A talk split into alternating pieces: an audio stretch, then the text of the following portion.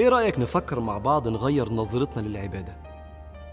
من أفعال ربنا طلبها مننا عشان نثبت له إن إحنا بنحبه كأنه ما كانش يعرف قبل ما نعملها. لأفعال ربنا شرعها عشان جمال الوصل مع الله. وأكيد العبادات دي هتعود علينا بفوائد في الدنيا والآخرة. بل في عبادات ربنا سبحانه وتعالى شرعها بس عشان فوائد في الدنيا في شخصيتك ونفسيتك وصحتك. فالقضية مش قضية إن ربنا بيشرع أشياء عشان يتأكد من حاجة ويعلم كل شيء. كل حاجة عشان مصلحتنا يا جماعة. من بعض هذه العبادات اللي ربنا شرعها علشاننا سنن كتير لسيدنا رسول الله. وكلمة سنة في اللغة يعني طريقة الحياة. سيدنا النبي عليه الصلاة والسلام كان بيعمل سنن كتير تدل على الكمال. واللي هيتبع سيدنا رسول الله هيقرب من كمال سيدنا رسول الله. السنن دي اتنست في زحمة الحياة رغم إنها مفيدة جدا. يمكن بسبب النظرة للسنة إنها مش فرض خلاص يبقى مش هعملها. ربنا مش هيحاسبني عليها رغم إنها مفيدة لكنها منسية.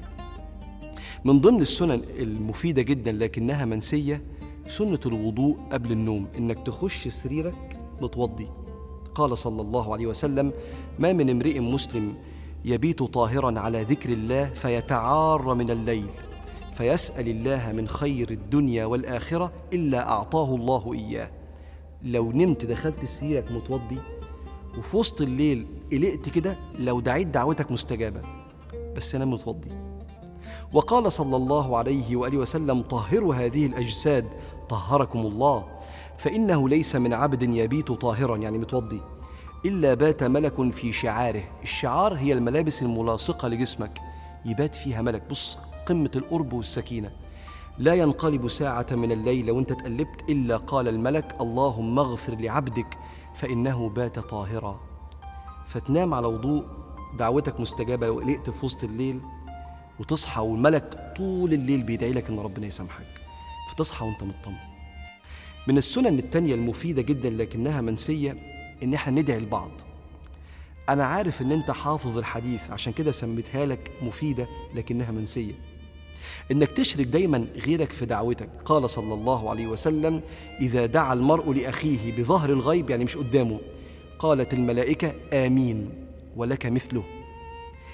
أيوة أنت حافظها بس ناسيها. جميل قوي إنك أنت تفوز بدعوة الملائكة المقربين مستجاب الدعوة.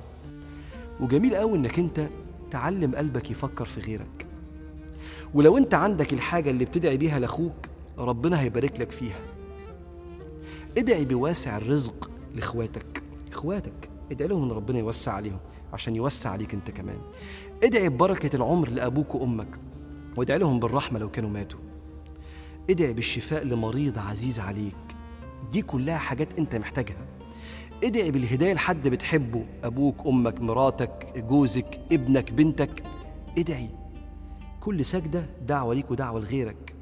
كلها حاجات أنت محتاجها والملك هيدعي لك. من السنن التانية المفيدة لكنها منسية إنك تقول الحمد لله كل ما تلبس. إحنا بنلبس مرتين على الأقل في اليوم لبسنا الصبح وبالليل مثلا يعني.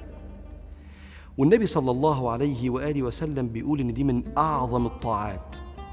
قال صلى الله عليه وآله وسلم من لبس ثوبا فقال الحمد لله الذي كساني هذا من غير حول مني ولا قوة غفر له ما تقدم من ذنبه. ما تقدم من ذنبك يعني من ساعة سن البلوغ. احسب كام سنة. ما تقولش ده كتير على ربنا. في لحظة بيغفر لك. لو قلت له الحمد لله على نعمة ليل نهار بتعملها. لأن فيها تجديد لإحساسك بدوام نعمة ربنا المتكررة نعمة الكسوة عليك. أنت في الرعاية الدائمة. المعنى ده ربنا بيه بيغفر لك ذنوبك كلها من ساعة سن التكليف. ما تنساش تقول الدعاء. من السنن المفيدة لكنها منسية أو مش معروفة.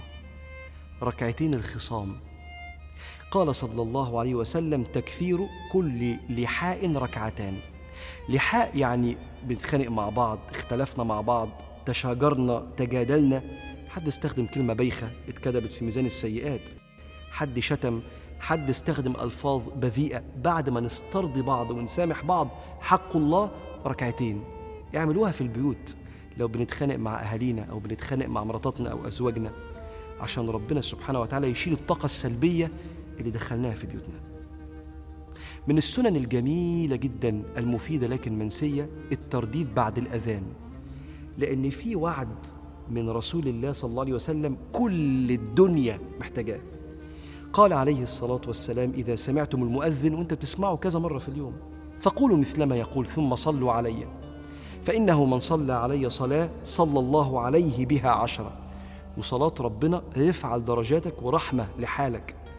ثم سلوا الله لي الوسيلة اللي هي اللهم رب هذه الدعوة التامة والصلاة القائمة آتي سيدنا محمد الوسيلة والفضيلة وابعثه اللهم مقاما محمودا الذي وعدته فإنه من سأل لي الوسيلة حلت له الشفاعة. ينفع تسأل الوسيلة لرسول الله اللي هي مقامه في الجنة؟ وتيجي تقول له يا رسول الله عايزك تشفع لي يقول لك لا ما ينفعش. ده هو وعدك. لو قلت آتي محمدا أو آتي سيدنا محمد الوسيلة والفضيلة هيشفع لك في الآخرة والنبي ما بيخلفش وعده. سهلة. كل ما تسمع الأذان قدس هذا الدعاء وقوله مفيدة بس منسية. وآخر واحدة. من السنن المفيدة لكنها منسية سهلة. قال صلى الله عليه وسلم من بات على وتر بات مغفورا له وإن الله وتر يحب الوتر. ركعة أو ثلاثة قبل ما تنام صليهم قبل النوم. لو عملت كده كل ذنوب اليوم مغفورة لك بوعد من الصادق الأمين صلى الله عليه وآله وسلم. فاللهم أحينا على سنة رسول الله وتوفنا على سنة رسول الله واحشرنا يوم القيامة مع أهل سنة رسول الله.